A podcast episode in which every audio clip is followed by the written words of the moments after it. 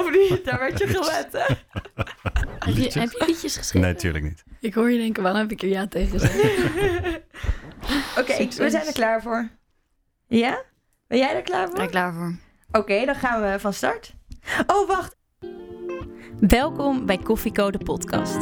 De podcast voor en door geneeskundestudenten. Waarbij wij, gewapend met een kop koffie, voor jou op pad gaan om interviews af te nemen met de leukste, interessantste en meest inspirerende artsen van Nederland. Dit is Koffieko. Hey Ko, ja wat doe je daar? Er staat een carrière voor je klaar. Maar je weet nog niet wat en waar. Een cappuccino maakt het minder zwaar. Dus zet je volumeknop omhoog. Want je luistert Koffie Co en je weet het zo. Pa pa pa para para para. Leuk dat je weer luistert naar Koffiecode Podcast. Wij zijn Doris. Tessa. en Tiara met vandaag weer een nieuwe aflevering van de enige echte medische podcast. Vandaag hebben wij ons in de studio Dr. Roel de Heus, gynaecoloog, perinatoloog in het UMC Utrecht. Dokter De Heus, welkom in de studio. Dankjewel, dankjewel. Het is woensdagmiddag. De werkdag zit erop. Zijn er nog kindjes eh, ter wereld gebracht door uw handen vandaag? Eentje. Vandaag. Eentje maar? Toeval, ja, eentje. Het was, een, het was een slappe dag, denk ik. Niet een beste score. Het was niet de beste score, nee, inderdaad. Maar het is ook veel te koud en te donker om Oh. geboren te worden. Ja, blijven ze dan dat liever eh, nog even Ja. in een warme... ja, de meeste kinderen komen het liefst s'avonds of s'nachts. Als de dokter eigenlijk moet slapen. U heeft aangegeven dat we jij mogen zeggen. Ja, heel graag. Ja. Dus bij deze, jij. Ik denk dat het leuk is om te beginnen met hoe ik u ken. Ik loop namelijk op dit moment het kooschap kind. En eh, daarbij hoort een voorbereidend blok waarbij ik college krijg. En ik, ik, ik weet het nog zo goed. Ik, ik kwam binnen, wat te laat. Het Limburgse kwartiertje heb ik net geleerd. En Kan eh, bijna niet. je was aan het stuiteren en je begon het college met... Ik heb zes bakken koffie op. Hoe was Dus het dat, ik- collega? en, eh, dus ik was wel benieuwd, hoe drink je die koffie dan?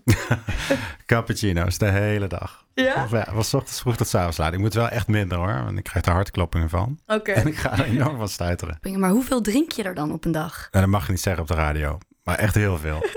ik denk, sinds ik gynaecoloog een opleiding ben geraakt, toen, toen, toen, toen ging ik diensten doen, nou, dronk gewoon zoveel koffie. Dat is echt een dingetje, hè? Dat is echt een dingetje, ja. En ook echt hele visie koffie. Je, je bent er gewoon aan. Dus al die automaten koffie. Ah. Hoe viezer, hoe beter. Ja, je bent er gewoon aan gewend. Ga ik er gewoon fysiek aan verslaan. Een zwarte Dat is bak. vreselijk. Maar Ja. nu in het WKZ hebben we een echte espresso bar. Dat is natuurlijk wel. En, en wat zeg je dan tegen je, je patiënten, de zwangere vrouw? Ze mag geen eh, cafeïne drinken. Nee, dus Nee, u gaat super- lekker voor hun neus die bakken naar binnen. Ja, ja, dat doe ik. Ja, ja. Filet Amerikaan eten. Allemaal dingen die ze niet mogen. Dat vind ik heel leuk. Ja, Ja, dus neem dokter De Heus als gynaecoloog. Dat is ja na deze radio sowieso niet meer, denk ik.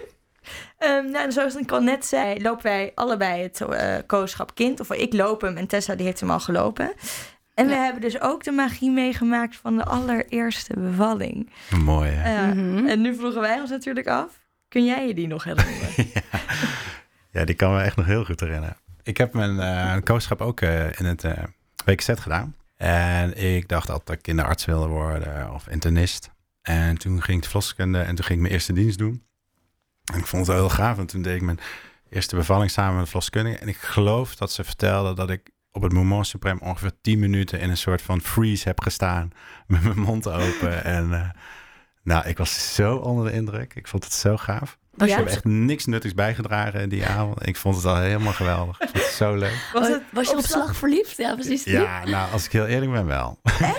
Maar het is natuurlijk niet alleen mooi, het is ook een beetje vies. Dus, en dat zag je niet. Ja, maar ik zag het gewoon niet. Dat het heel vies was. En ik fietste naar huis en ik denk, jeetje, wat, wat is, was dit bijzonder.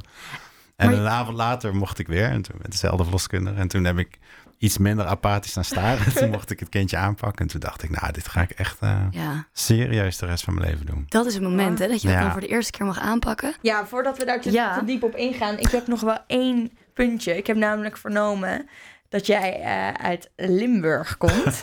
en ik vroeg me wel af, hoe is het dan om helemaal vanuit Limburg hier in Utrecht te komen in deze studentenstad? Nee, dat was echt vreselijk. ik was ook de oudste in het gezin en ik ging geloof ik de eerste keer met de trein naar eh, Utrecht, echt zo groen als gas. En ik vond het toch groot en spannend hier. Ik denk dat ik ongeveer tot het einde van mijn opleiding gepest ben met mijn, eh, Oh Met ja? een accent, ja. Maar wij Limburgers, we kunnen, wel, we kunnen gewoon niet zo heel duidelijk communiceren. Dat is gewoon heel erg... Maar nu valt het wel mee, het accent. Ja, het is Ja. afgeleerd. In Limburg vinden ze me nu een Hollander en een verrader. En... Je hoort eigenlijk nergens meer bij. Nee, echt, hier in Utrecht vinden ze me nog steeds een Limburg. Nee, dat is, ik ben het gewend. Ehm, nou, laten we even doorgaan. Ja. Ik denk een, eh, mooie uitleg over wat jouw vakgebied precies inhoudt. Kun je dat uitleggen in een paar woorden? Een paar woorden. Nou, ik ben perinatoloog. En in een paar woorden wat wij doen is gewoon eh, zorgen voor zwangere vrouwen en, en de geboorte. Oké, Kort? maar dan gaan we toch direct de specialistenpitch erachteraan gooien. En daar mag je pitchen, dat mag iets langer. Waarom de perinatologie zo'n ontzettend leuk vak is. Succes. De specialistenpitch. 30 seconden waarin jij de geneeskundestudenten ervan overtuigt om voor jouw specialisme te kiezen. Perinatologie en de zorg voor zwangeren is echt het aller, allermooiste wat er is. Een gezond leven begint gewoon in de baarmoeder. Je kan zoveel dingen beïnvloeden in de baarmoeder die zo goed zijn eh, voor een vrouw. En het is eigenlijk het meest natuurlijke wat er is. En het begeleiden van een bevalling is natuurlijk ook het allermooiste wat er is. Eh, Dat was hem. Ja, ik denk dat het inderdaad iets heel bijzonders is, zo'n bevalling. En ik denk dat het voor co-assistenten heel leuk is om die eerste keer mee te maken. Daar heb je net natuurlijk al wat over verteld. Maar er zitten ook wel een aantal ehm, keerzijden aan. De opleiding. En één iemand die daar in het, ja, in, het, in het bijzonder over heeft geschreven is de Britse arts Adam Kay. oh ja. Ken je heel die? cool. Ja, Ja? die ken ik ook. Want die heeft een boek geschreven. This is going to hurt. This is going to hurt. En daar wilden we een klein stukje eh, van de omslag over voorlezen. En dan mag jij ons daarna vertellen of jij je erin herkent als Ja. jonge AIOS. Ja. Zeg je vrienden en familie maar vaarwel. Bereid je voor op een werkweek van 97 uur. Beslissingen over leven en dood. Een constante vloed aan lichaamssappen en een budget dat eerder gepast lijkt voor een turfsteker. Welkom in het leven van een arts in opleiding gynaecologie. De reden dat wij dat zo gaaf vinden is dat het natuurlijk volslagen herkenbaar is. Dus alles Ja? wat hij schrijft, ja, dat klopt ook echt. Al die anekdotes die hij schrijft, dat, dat, dat gewoon echt totaal van de planeet verdwijnen. Je, voor je gevoel werk je gewoon echt 24-7, dat klopt.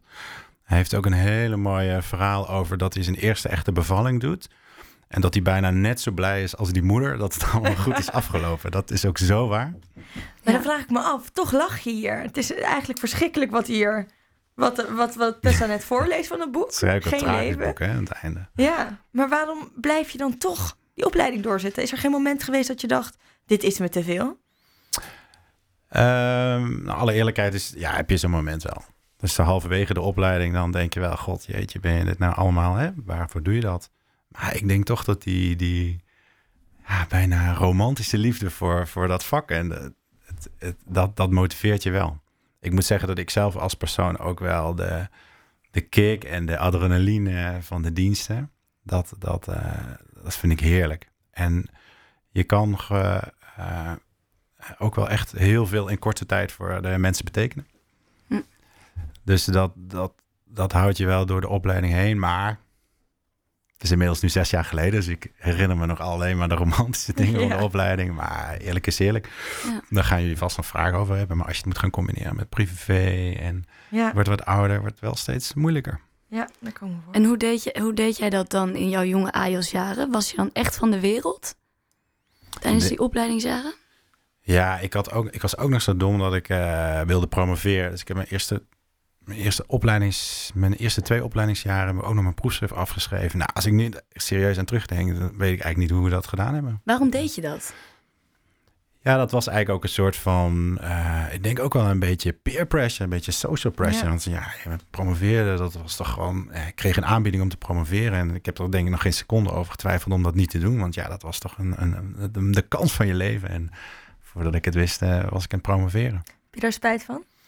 Nee, nee. Spijt is een slechte eigenschap, toch? Ik heb inmiddels zoveel therapie gehad dat ik dat eh, niet meer mag zeggen. Zou je het anders doen?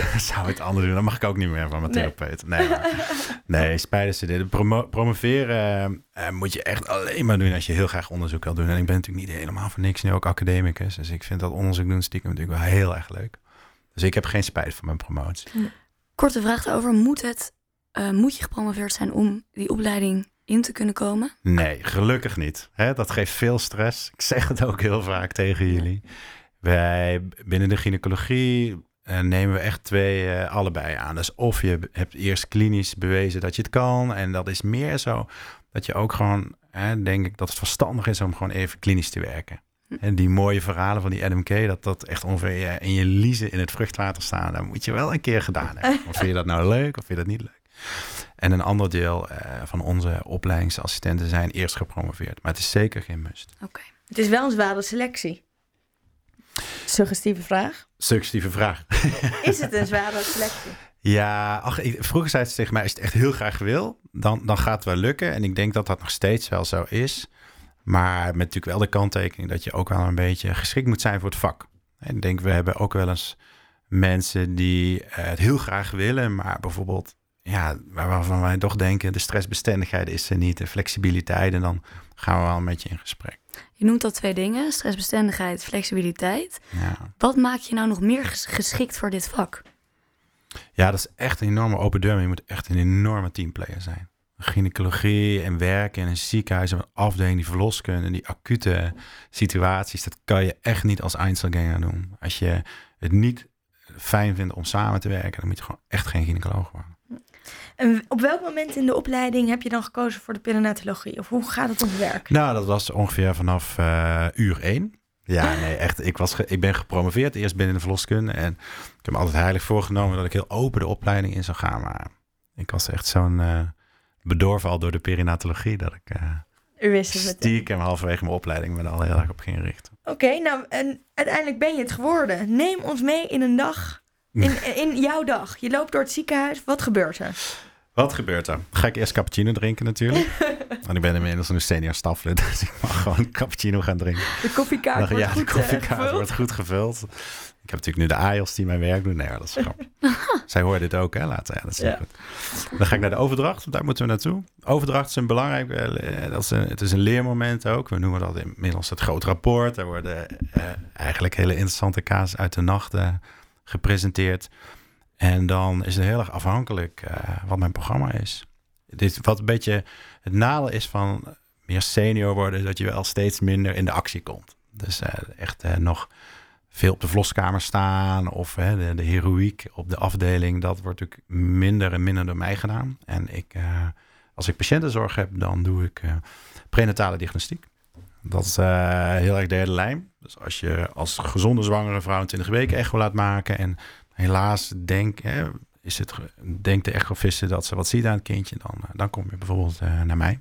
Ik maak dan bijvoorbeeld nog een hele uitgebreide echo. En dan moeten mensen soms hele lastige keuzes maken. U noemde net al even de hoog risico verloskunde. Wat houdt dat in? Nou, als je in Nederland natuurlijk nog een heel groot goed is als je gewoon gezonde uh, jonge vrouw bent of oude vrouw mag ook en zwanger bent en je gaat bevallen en er is verder niks in de hand, kunnen we lekker met je verloskundige bevallen. En dan mag thuis of in een geboortehuis of lekker op de keukentafel of uh, in het gras, dat geeft allemaal niks. Maar als je als moeder dan uh, misschien suikerziekte hebt, of je bent ziek, of er zijn complicaties tijdens de zwangerschap, je kindje groeit niet goed, of er zijn allerlei ellende, dan kom je, verschuif je snel naar een ziekenhuis. En hoe ja, hoe complexer de situatie, hoe meer je richting een derde lijn komt. En dan ben je een academisch ziekenhuis. Maakt dat het niet minder magisch? Dat maakt het zeker minder magisch. Ik denk dat het nog steeds, het is echt bizar hoe, hoeveel daar nog wekelijks over geschreven is. Ik, ik kreeg vorige week nog een uh, artikel doorgestuurd uit het NRC van een journalist. Het zijn vaak journalisten die zelf bevallen.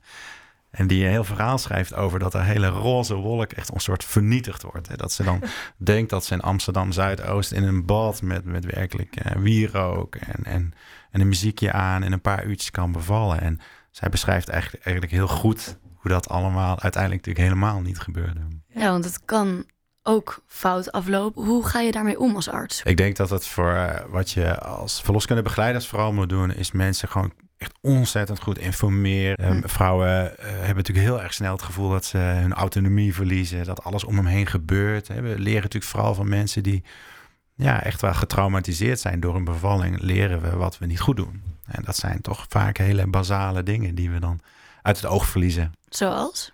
Gewoon luisteren naar iemand. Of op beslissingen nemen om iemand heen. Uh, een, een, een barende vrouw die het gevoel krijgt dat ze gewoon geen autonomie meer heeft. Dus dat ze de keuzes voor haar genomen worden en niet meer met haar. Maar hoe zorg je ervoor, ehm, voor een, een vrouw die aan het bevallen is, dat zij nog normaal naar jou kan luisteren? Dat vraag ik me echt Ja, af. daar heb je wel allerlei trucjes voor. Ja? Deel die met ons. Deel Deel je die met ons, trucendoos deel die met ons. ja. Ik denk, iedereen heeft dat zijn eigen stijl. En ik denk dat dat, wat je heel, ik, ik heb echt, eh, voor- wat voor mij een enorm voorrecht is, dat ik ben opgevoede verloskundige. Dus ik ben gaan werken ooit. Mijn eerste baan was in het WKZ en toen mocht ik mijn eerste twintig bevallingen met verloskundigen doen. En die rammen er alle goede basic in. Je gaat gewoon, je kijkt een vrouw aan, Ja. en je spreekt haar aan. Je, je, bent, je zorgt dat er rust is op een verloskamer. Je probeert haar te coachen. Staat er wel eens muziek op? Ik heb alles al meegemaakt. Muziek, wierook. Ja. Ik heb ook al eens een, een... Wat heel hip is tegenwoordig, is een doula. Oh, Oh, En die huur je in. wat is Dus dat? dat is eigenlijk een, een, iemand, een vrouw of een man... die je dan helpt tijdens de bevalling. Dus dat je masseren en dat je meehelpt. Hè, dat is eigenlijk de rol van de man. Maar wij mannen zijn natuurlijk een beetje... Soft. goede business wel. Dat is een hele goede business. Natuurlijk hartstikke duur. Wat is het gekste wat je hebt meegemaakt op de, op de, opera, op de, op de Wat? bevallingskamer? Ja, ik, een situatie met een doula, dat ik daar binnenkwam en dat daar eh, een vrouw echt eh, poedelnaakt voorover stond met een muziek en, en wierook en daar een mannelijke doula achter stond en die andere man, haar partner stond te filmen en het licht was uit en stond een discobol aan en ik, ik hield het niet meer. Ik ben eerst de kamer uitgelopen en toen ben ik heel erg gaan lachen. Nou, ik, je kan je, ik kan je vertellen dat haar roze wolk ook snel eh, knapt toch? Ja, dus dat was heel sneu. En we hebben ook wel, dat wel echt een hele bizarre situatie is met dat we eh, dat eh, eh, vrouwen die zwanger zijn in de gevangenis, die komen in het UMC. Dat is natuurlijk altijd wel een hele tour. Zij, er was een, een vrouw die vast zat voor, nou ja, waarvoor weten we niet zo goed. En die kwam bevallen, nou dat kan allemaal prima. En we hoorden opeens een klap en we liepen naar binnen. En toen hing zij uit het raam, want ze wilde ontsnappen. Alleen de tweede verdieping, de verloskamer. Ja, dat is echt... En toen hebben we weer binnengeholpen en eh, toen is ze wel eerst eh, komen bevallen. Dat is wel goed gegaan nog. Dat is gelukkig wel goed gegaan. Ja. Wauw. Ja, Nog meer was, spanning om te werken. Dat was heel erg bizar. Was dat. ja. Jeetje. Als het fout gaat, hoe fout gaat het dan? Ja, de, natuurlijk echt de verdrietige ultieme foute afloop is dat kindje overlijden en, eh, of moeder overlijdt. Eh, het laatste heb ik gelukkig zelf nog nooit eh, meegemaakt. En Dat, Klop het even afgelopen af. uur Ja. hoorde op de radio. Ja, ik, dat, dat is natuurlijk echt het meest afschuwelijke bestaat. En kindje overlijden tijdens of direct na de bevalling, dat komt helaas natuurlijk wel eens voor. Wat doet dat met jou? Ja, dat is, eh, dat, is- dat blijft heel lastig. Ja, als ik eh, heel open ben, hebben we het recent nog een keer meegemaakt, dat eigenlijk tijdens de bevalling eh, een kindje overlijdt. Dus gelukkig gebeurt dat nog maar heel erg zelden. Maar als dat eh, eh, gebeurt, heeft dat natuurlijk met name ontzettend veel impact op de ouders, maar op ons als team ook. Dat is natuurlijk afschuwelijk. We werken heel hard om dit soort eh, dingen te voorkomen. En soms dan gebeurt dat toch en dan is dat heel lastig. Ja. Is er dan een bepaalde opvang vanuit, de, ja, vanuit het ziekenhuis die jullie ondersteunt om dat te verwerken? Ja, dat is een goede vraag. Die is er zeker. Ja? Ja, ik denk dat er daar in de tijden ook heel positief zijn veranderd. Het is, eh, toen ik in opleiding was, eh, eh, natuurlijk nog best wel een, hard, hard bestaan en, en nog steeds wel lastig, met dokters onderling, om dat te bespreken. En tegenwoordig is dat eigenlijk niet meer. Dus we hebben een heel, het is eigenlijk standaard dat we na zo'n ja, incident of calamiteit, of een hele droevige gebeurtenis, eh, een paar keer samen gaan zitten. Ehm, maar wat, wat zegt jouw gevoel dan op dat moment als zoiets gebeurt? Wat gaat er dan echt door je heen? Het ligt er ook heel erg aan in welke fase je van je leven zit. Ik heb het als Ajax een keer meegemaakt en toen, eh, ja, dan ben je gewoon een mens. Dan vervloek ik. En eh, toen hebben we er een paar nachten slecht van geslapen. En toen was het advies, eh, ga maar een borrel drinken. Nou, dat heb ik gedaan. dat helpt ook enorm, mag ik niet zeggen op de radio. Hè? Dat helpt wel hoor. Ja. Dat, dat, dat kregen we nu het advies. En dan, dan ga je gewoon weer verder. Ja. En het lastige als arts is dat je heel erg je vertrouwen niet moet verliezen in je eigen kunnen. Dus als er een, een iets met een trieste afloop is waarbij jij in de lead was en dan, dan is het echt de enorme kunst eh, om, om, ja, om vertrouwen te houden in je eigen capaciteiten en om, om gewoon weer verder te gaan. Dat is lastig. En daar heb je ook heel bij nodig hoor. Dan moeten heel veel mensen tegen je zeggen dat je het echt wel kan. En als je nou kijkt naar een jonge dokter De Heus en zes jaar later, waar, waar ben je dan het meest in gegroeid? Ik denk dat je echt in alle facetten groeit. Dat heeft een van mijn oudere collega's die zei was tegen je de opleiding, dan leer je heel veel trucjes. En je leert, hè, we, we leveren goede gynaecologen of en dan ben je een jonge gynaecoloog. En dan, dan ga je eigenlijk pas uh, meters maken. Dus ik denk dat ik nu gewoon meer ervaring heb. Hoeveel bevallingen? Oh, dat is erg, hè? Dit hebben we niet geteld. Nee. Is, nee. nou. Ik liep hier naartoe. Ik denk, dan gaan ze vragen. maar ongeveer? Ja, duizenden. Duizenden? Ja, dat is bizar veel. Kun je... Dus kunst... Ik, we houden dat allemaal niet meer bij, joh. En is er één bevalling die het meest is bijgebleven? Of was dat die doula? Ja. Nou, nee, dat was mijn uh, oudste zoon. Vreselijk was dat. Ja. dat was stressen. Niet te meer. doen. Niet te doen. Oh nee, dat was echt vreselijk. Ik was halverwege mijn opleiding en toen was mijn partner zwanger. En uh, ik dacht, oh ja, dat is natuurlijk wel super leuk. Dat was natuurlijk heel leuk, zeg ik dan hardop. Leuk. Ja. natuurlijk heel mooi. Een hele mooie, mooie belevenis. En toen kwam de valling dichterbij en dacht ik, hoe ga ik dat nou doen?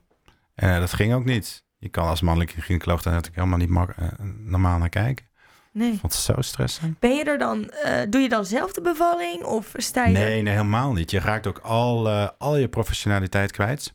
We, we, we, houden de conditie van een kindje in de gaten door een hartfilmpje te maken. Nou, ja. daar had ik natuurlijk al 5000 uur van uh, beoordeeld zonder problemen. Totdat die, dat die van mijn zoon was. En ik echt, kon er gewoon niet meer naar kijken. Het is ook een spoedkeisnede geworden hè, om mijn okay. zaken beter ja, te verdedigen. Ja. Hoe is het dan om daarnaast te staan? Ja, was, was vreselijk. Waarom hebben we het eigenlijk over mijn... Ah, ik begon daarover. Ja, dat was... Maar waarom vreselijk? ik snap het niet. Het is net alsof ik college staat gegeven.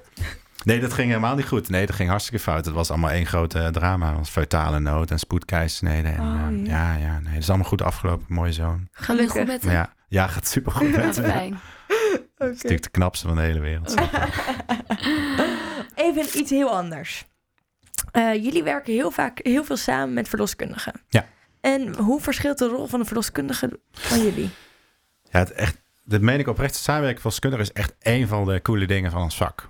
Hè, er wordt natuurlijk echt heel vaak gedacht dat gynaecologen en verloskundigen... dat we elkaar alleen maar uh, oorlog met elkaar hebben. Dat is helemaal niet waar. Ik, ik, ik, zoals ik al zei, mijn grote voorrecht... dat ik echt ben opgevoed door verloskundigen. En wij werken in het ziekenhuis met uh, uh, klinisch verloskundigen. Die werken alleen maar bij ons en die doen ook medische bevallingen. Die zijn er allemaal supergoed in. En we werken ook heel intensief samen met verloskundige praktijken in de regio. Dat is alleen maar een meerwaarde. Het is echt een goede samenwerking. Ja, dat is een goede samenwerking. Niet altijd, hè. Ja. Dus jullie weten natuurlijk vast, hè. Daarom stel je de vraag ook dat er veel onrust is geweest in het land. Wat voor een onrust bedoel je precies?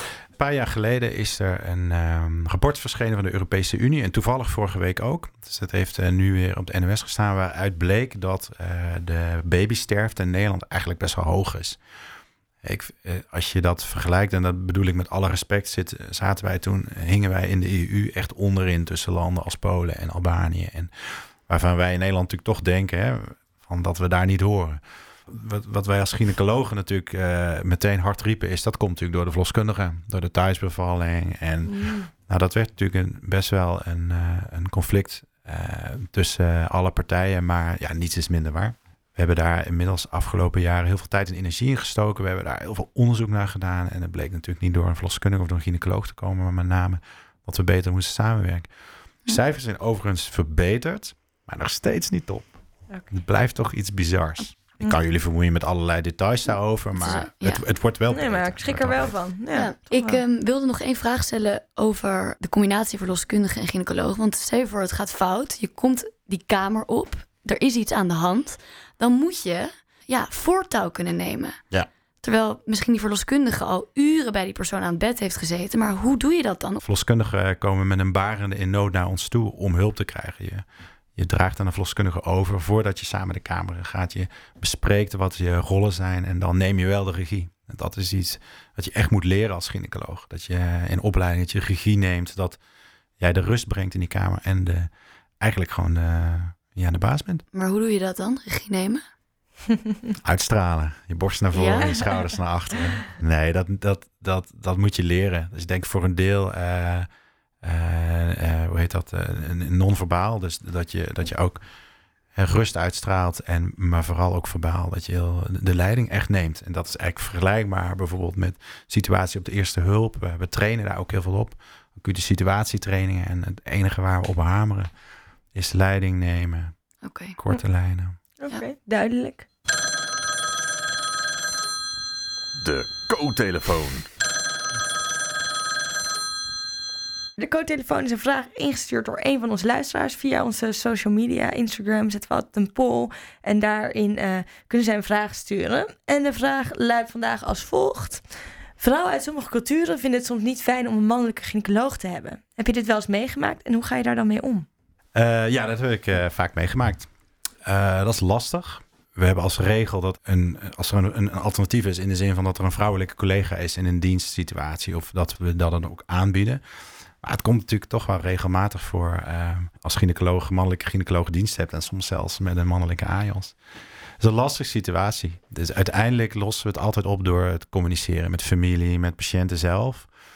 Maar het blijft natuurlijk moeilijk. Ik heb het zelf nog niet meegemaakt dat een, een, een, een, vrouw van een andere cultuur die geen mannen een, eh, aan haar bed wil, het zo ver dreef dat ze ook overgeplaatst eh, wilde worden. Maar dat- ik denk eerlijk gezegd dat dat ook steeds minder voorkomt. Ik, ik hoor dat ook eigenlijk niet meer. Ik denk dat eh, de, de baseline is dat we gewoon ontzettend veel respect voor elkaar moeten hebben en voor elkaar culturen. En En zie je het ook wel eens andersom? Dat vrouwen eigenlijk liever een man hebben, omdat die misschien wat zachter zijn. Ja, ik maakte als vroeger als en nog wel eens dat grapje. En mijn vrouwelijke collega's die zeiden me nou ook dat ik wel eens tegen een, een, een vrouw zei die liever geen man wil. En denk oprecht dat wij mannen veel zachtaardiger zijn. Dat we veel toch uiteindelijk nog wel ook wel denken, jeetje, dat moet toch ook allemaal wel vervelend zijn voor je patiënt. En dat vrouwen veel eh, harder zijn. En vooral mijn vrouwelijke collega's die zelf drie kinderen hebben gebaard. Die zullen eerder zeggen, nou, zit nou niet zien te zeuren. Martie, waarom zeg jij zachtaardiger dan, die mannelijke gynaecologen? Omdat die niet weten wat, hoe dat voelt. En Precies, dingen. Dus die doen gewoon wat met wat zachtere handjes. En we zijn wat vriendelijker, denk ik. Wat voorzichtiger, dat is het goede woord. Hoe- denk ik ook echt. Hoe is het als man in zo'n vrouwenwereld? Ja, toen ik eh, dat kooschap deed en die eerste bevalling en die tweede bevalling, toen, toen reed ik naar huis en toen zei ik tegen vrienden van me, en ik, wat is me nu toch is gebeurd, ik vind gynaecologie eh, leuk, nou lachen joh, en eh, dat is natuurlijk nooit meer weggegaan. Dat blijft ook altijd gek. Dus er zijn nog steeds, eh, ik vertel ook nooit iemand dat ik gynaecoloog ben. Nee? Nee, dat geeft alleen maar, eh. Wat is je alibi-beroep dan? Oh, ik heb al van alles bedacht. Zeg maar iets. Ja, ik moet wel een beetje stand kunnen houden. Hè. Dus ik woon nu ik woon in een kleiner dorpje en daar woon ik nu zo'n zes jaar. En er heeft echt tot drie maanden geleden niemand geweten dat ik gynaecoloog ben. Want anders sta ik op de schoolplein alleen maar bevallingsverhalen aan te Oh, horen. ja, dat- Heb je wel eens op een hele gekke plek een bevalling moeten leiden? Bijvoorbeeld in een vliegtuig of... Nee, nee dat, Nee? dat denk ik wel heel vaak als ik ga vliegen. Van god, wat zou je Ja. doen als er iemand... Ik heb eh, een bevalling in een ambulance gedaan. eh. Oké. maar dat was de meest gekke plek. Ja. Nog heel veel terug over dat samenwerken met vrouwen. Want je praat er wel heel makkelijk omheen. Wij willen natuurlijk weten hoe het is om te samen te werken met al die hormonen in de, in de kamer. En een vrouw die aan het bevallen is. En veel vrouwelijke gynaecologen. Ja, Was dat gaan natuurlijk toch geen dingen ontlokken die ik niet ga zeggen. nee, dat is eh, wel wennen.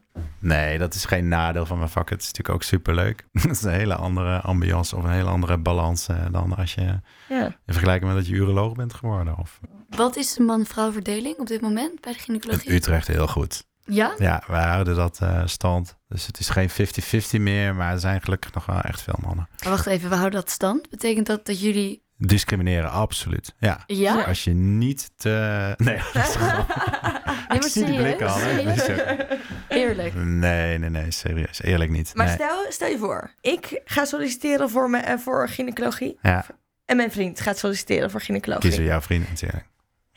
Nee, natuurlijk niet. We hebben Nee, hetzelfde cv. Kies je dan eerder de man? nee, nee. nee, Oké. nee. Nou, dat, we, Nee. dat even duidelijk. Hij is goed, ja. Nee, dat is, goed. nee, nee. Nee. Nee, dat is zeker niet zo. Nee, Nee. die tijden zijn echt veranderd. Dat is echt nu klaar. Oké. Ik wil nog één vraag stellen over de bevalling. Want vanuit een mans perspectief, hoe pijnlijk is dat nou? Het is mega pijnlijk. Ik zou, ik zou echt meteen een rugprik willen. Nee, ik denk dat het, het, het, is natuurlijk het meest natuurlijke wat er is. En eh, het doet zeer, maar ik denk ook wel dat je vooral als als vrouw goed begeleid wordt, dat je vertrouwen hebt, dat je, dat je niet angstig bent, dan is het een mooie ervaring. En dat is natuurlijk uitdaging voor ons in ziekenhuis. Als je doodziek bent en je wordt ingeleid en je hebt tien infusen in je arm en je voelt je onzeker, ja, dan is het natuurlijk vaak wel heel lastig. Hoe kijk jij aan tegen de ruggenprikken? Ehm, sta je daar open voor? Of Ja. de hele pijnstilling Ja. rondom de vangerschap? Ja, ja, ik kan me nog herinneren, ik ben al zo oud dat ik eh, de rugprik heb zien opkomen. Een bekende Nederlander, nou, mag ik ook niet zeggen, nou, in Wat onze buurt. Ja, een BN'er. En die, eh, die had gekozen voor een rugprik en heeft dat toen in de media ook verkondigd. Van ik, ik heb een rugprik gehad en dat was echt prima bevallen. Nou, zij is echt verketterd. Eigenlijk een Oh, hele ja? stroming en host van, van, van, van vrouwenbewegingen die, die vonden dat dat eh, echt eh, belachelijk was. En dat niet kon en het moest pijn doen en moest Waarom dan? buiten op de, op de keukentafel. Ja, jullie zijn nog jong, maar dat was toen echt, eh, dat was toen Ja. wat natuurlijk. En was een middel van gynaecoloog. En een beetje in die tijd ging ik een half jaar in Canada werken. En Toronto is een heel beroemd ziekenhuis. En daar mocht ik meekijken en een beetje meehelpen. En toen ging ik naar de verloskamers, er waren 30 verloskamers. Zei, oh, you're, you're from Holland. Ja, ja, oh ja, oh ja. En zei hij, what do you here? Dan zei ik, oh, ik, ik, ik, ik luister. Ik zeg, ja, ik hoor helemaal niks. Ja, precies, school. Er lagen gewoon 30 vrouwen aan een rugprik. Ja, de Canadese vrouw begon in zijn weeën zonder een ruggenprik. Nou, ik dacht, ja, de De hele afdeling was hele afdeling. Je kwam gewoon, je werd, iedereen werd Oké. ingeleid. Spontaan beginnen, dat was eigenlijk, dan moest je echt je best doen. Dan kwam je met je tasje en dan kwam eerst de anesthesist. Die zat daar ook gewoon 24 uur per dag. Ik kwam een handje geven, vertelde wie die was en dan kreeg je rugprik en dan eh, begon je met je weeën. Maar wat zijn dan de nadelen? Waarom wordt er zo slecht op neergekeken in Nederland? Wat zijn de argumenten? Ja, de argumenten is denk ik voornamelijk ook omdat het dat gewoon niet natuurlijk is. Dat het een interventie is. Maar bijna 40% van de vrouwen krijgen wel een ruggenprik. En we dachten in Nederland ook vroeger dat het een natuurlijke bevalling tegenhield. En dat je meer keizersneden deed, meer kunstverlossingen. Maar inmiddels zijn we daar een beetje van teruggekomen. Ik denk dat de- een rugprik je eigenlijk niet... eh, dat je nog steeds een hele mooie kans hebt op een natuurlijke bevalling. Dus wij hoeven ons niet slecht te voelen als wij eh, voor een paar jaar daar liggen en eh, om die nee, hoor. nee, gewoon voordat je weeën beginnen, rugprik vragen, Ja. bel je me op. Zeg je, nou, wat heb je toen Het is beloofd? zover. Ja, Yes. dat heb je toen beloofd. Hoe kijk, en hoe kijk je bijvoorbeeld aan tegen hypnobirthing? Hypnobirthing, ja. Er zijn, eh, er zijn allerlei bewegingen. Hypnobirthing, dure yoga klasjes, doula's. Je, je moet gewoon eh, goed voorbereid zijn en eh, ontspannen zijn en relaxed. Voordat we persoonlijk iets meer over jou te weten gaan komen, wilde ik nog vragen of je nog één bevallingsverhaal, wat je misschien op het schoolplein wel deelt met de moeders bij Koffie wil vertellen. Oh ja, dat is lastig hè. Ik heb daarover nagedacht. Het is wel moeilijk om een eh, anekdote te vertellen. Maar eh, eh, nou, ik denk wel dat een recent mooie anekdote was dat we keizersneden gingen doen. Een hele mooie keizersnede. Ik weet niet meer de reden. Was allemaal niet ingewikkeld. Er kwam zo'n blakend kind uit. En dan stond zo'n enorme grote Utrechter met tatoeages op zijn arm. En, zo'n, en die moest ook zo'n mondkapje voor. En die kwam zijn baby laten zien. En die, die keek me aan en zei... Dokter, u weet toch van de afspraken? Dacht ik, weet eigenlijk niet waar hij het over heeft, maar ik heb inmiddels door de jaren heen eh, geleerd dat ik daar een beetje omheen kan praten. Natuurlijk, meneer. eh, Ik zeg, kun je me nou helpen denken welke van de afspraken u ook alweer bedoelde? Zei hij, ja, hij moet even met een doekje eh, beneden langs het gezichtje van het kind. Ik denk, die maakt een grapje. Hoe bedoel je? mijn- Doekje beneden een waar? doekje beneden waar. Dat dacht ik ook. En mijn Ayos die liep een beetje rood aan. Die begon te zweten. Dus ik dacht, die weet er meer van. Dus ik zeg, eh, god, en weet jij eh, wat meneer bedoelt? Ja, meneer, eh, mevrouw wil graag het microbiome van een natuurlijke bevalling over het, ge- het gezicht van het kindje smeren. Ai, toen? ai, ai. Nou, toen heb ik Heb geprobeerd eh, om eh, tegen die eh, meneer te vertellen dat het toch wel onhandig was. Maar hij was wel echt heel groot en sterk. En hij zei, nou, ik wil het toch. Dus toen heb ik de Ajax, de, de, de, ja. de AJOS eh geïnstrueerd. Ik zei, nou, je hoort meneer. Zeg, succes. Dus toen moest hij van mij van tafel af, onder de lakens. Met een gaasje. Dat heeft hij me nooit meer vergeven. Dat is er weer een beetje uit. Maar er was er een tijd lang, hebben we gedacht dat dat, ja, dat was toch het, het nadeel van een keizersnede was. Is dat een kind niet in contact was met het eh Ja. microbiome van moeder. En je zei net al, eh, Ajax. En wat doet Roede Heus in zijn dagelijks leven? Gaat hij wel voetbal kijken? Ik eh, ga ze- zeker geen voetbal kijken. Nee, wat doe ik in mijn dagelijks leven? Jeetje mina. Ja, ik, ik woon in Breda. Ik heb drie kinderen. Van vier, zeven en tien. En dat is ongeveer een fulltime... Fulltime job. dus ik ben wel hockeycoach tot... knutselmoeder. Bij luizen, bij luizenpluizen haak ik af. Dat vind ik echt een vrouwen iets. Maar verder. Ja, je bent de hele dag bezig met vrouwenzaak. Maar ik heb wel echt, ik, ik hoef niet na mijn werk ook nog over eh, bevallingen te praten. Überhaupt niet met dokters te praten. Dus ik heb nu, eh, ik heb nu echt een hele mooie vriendengroep om me heen. eh, die allemaal geen artsen zijn. Die dat ook echt niet boeiend vinden. Dat is heerlijk. We hebben het nog over twee dingen van jouw vak niet gehad. En dat is namelijk de nachtdiensten Ah, ja. en de keizersnede. Oké, eerst Ja. een eerste keizersnede. Blijft dat nog steeds leuk om te doen als gynaecoloog? Ja, keisnede is, een keisnede is gewoon een buikoperatie. Dit is, het is gewoon wel een complexe operatie. Eh, dat duurt gewoon lang voordat je dat echt eh, goed kan. En dat blijft natuurlijk leuk om te doen. En eh, ik werk in een opleidingsziekenhuis. Dus het is voor mij heel erg leuk om eh uh, gynaecologen een opleiding te leren hoe ze een goede keisnede kunnen doen. Maar dat ene kindje vandaag, waar jullie naar Ja. vroegen, dat was een hele complexe keizersnede. Mijn mevrouw die heel erg ziek was, een stollingstoornis had. En het was haar vierde keizersnede. Nou, daar ben ik eh, vanochtend wel vroeg voor opgestaan. En eh, dat, is nog, dat, dat is wel een, en dat is nog steeds ook wel voor ons een, eh, een mooie ingreep. En dan moeten we wel echt ons best doen om dat allemaal heel netjes weer aan elkaar te hechten. Ik ben erbij geweest tijdens mijn kooschap.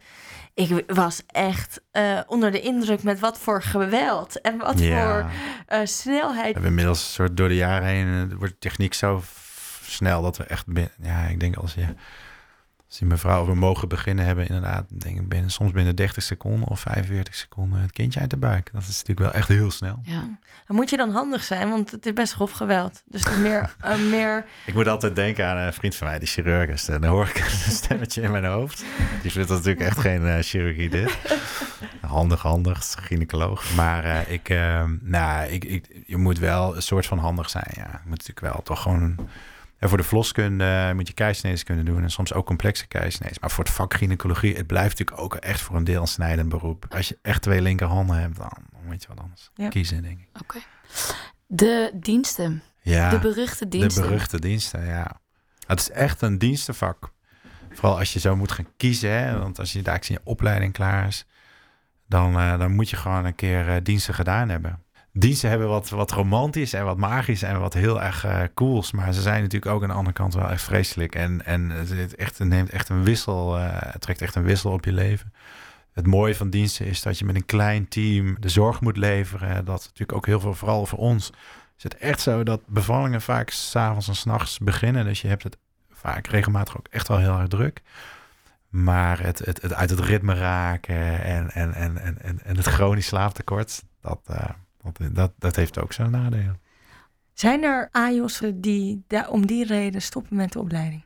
Ja, dus ik denk het wel een combinatie is. Dus ik denk dat de combinatie met de diensten ook gewoon het, het, het, het, de stress tijdens de dienst.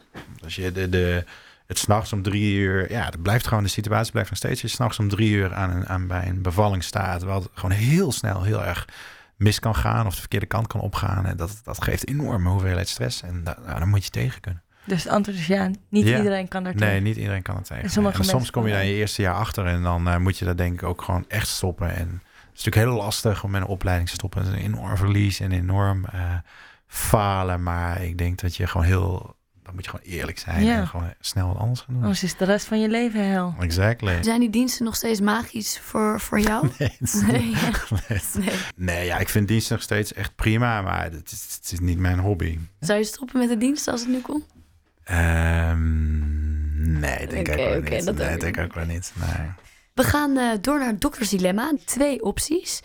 En dan ehm, mag je kiezen wat je het meest aanspreekt. Spannend. Het doktersdilemma. Het leven bestaat soms uit lastige keuzes. Denk niet te lang na en geef snel antwoord. Altijd in beweging of de rust zelf? Altijd in beweging. Jeugdarts of werkzaam bij Artsen zonder Grenzen. Artsen zonder grenzen. Gepaste afstand in de spreekkamer of laagdrempelig? Laagdrempelig.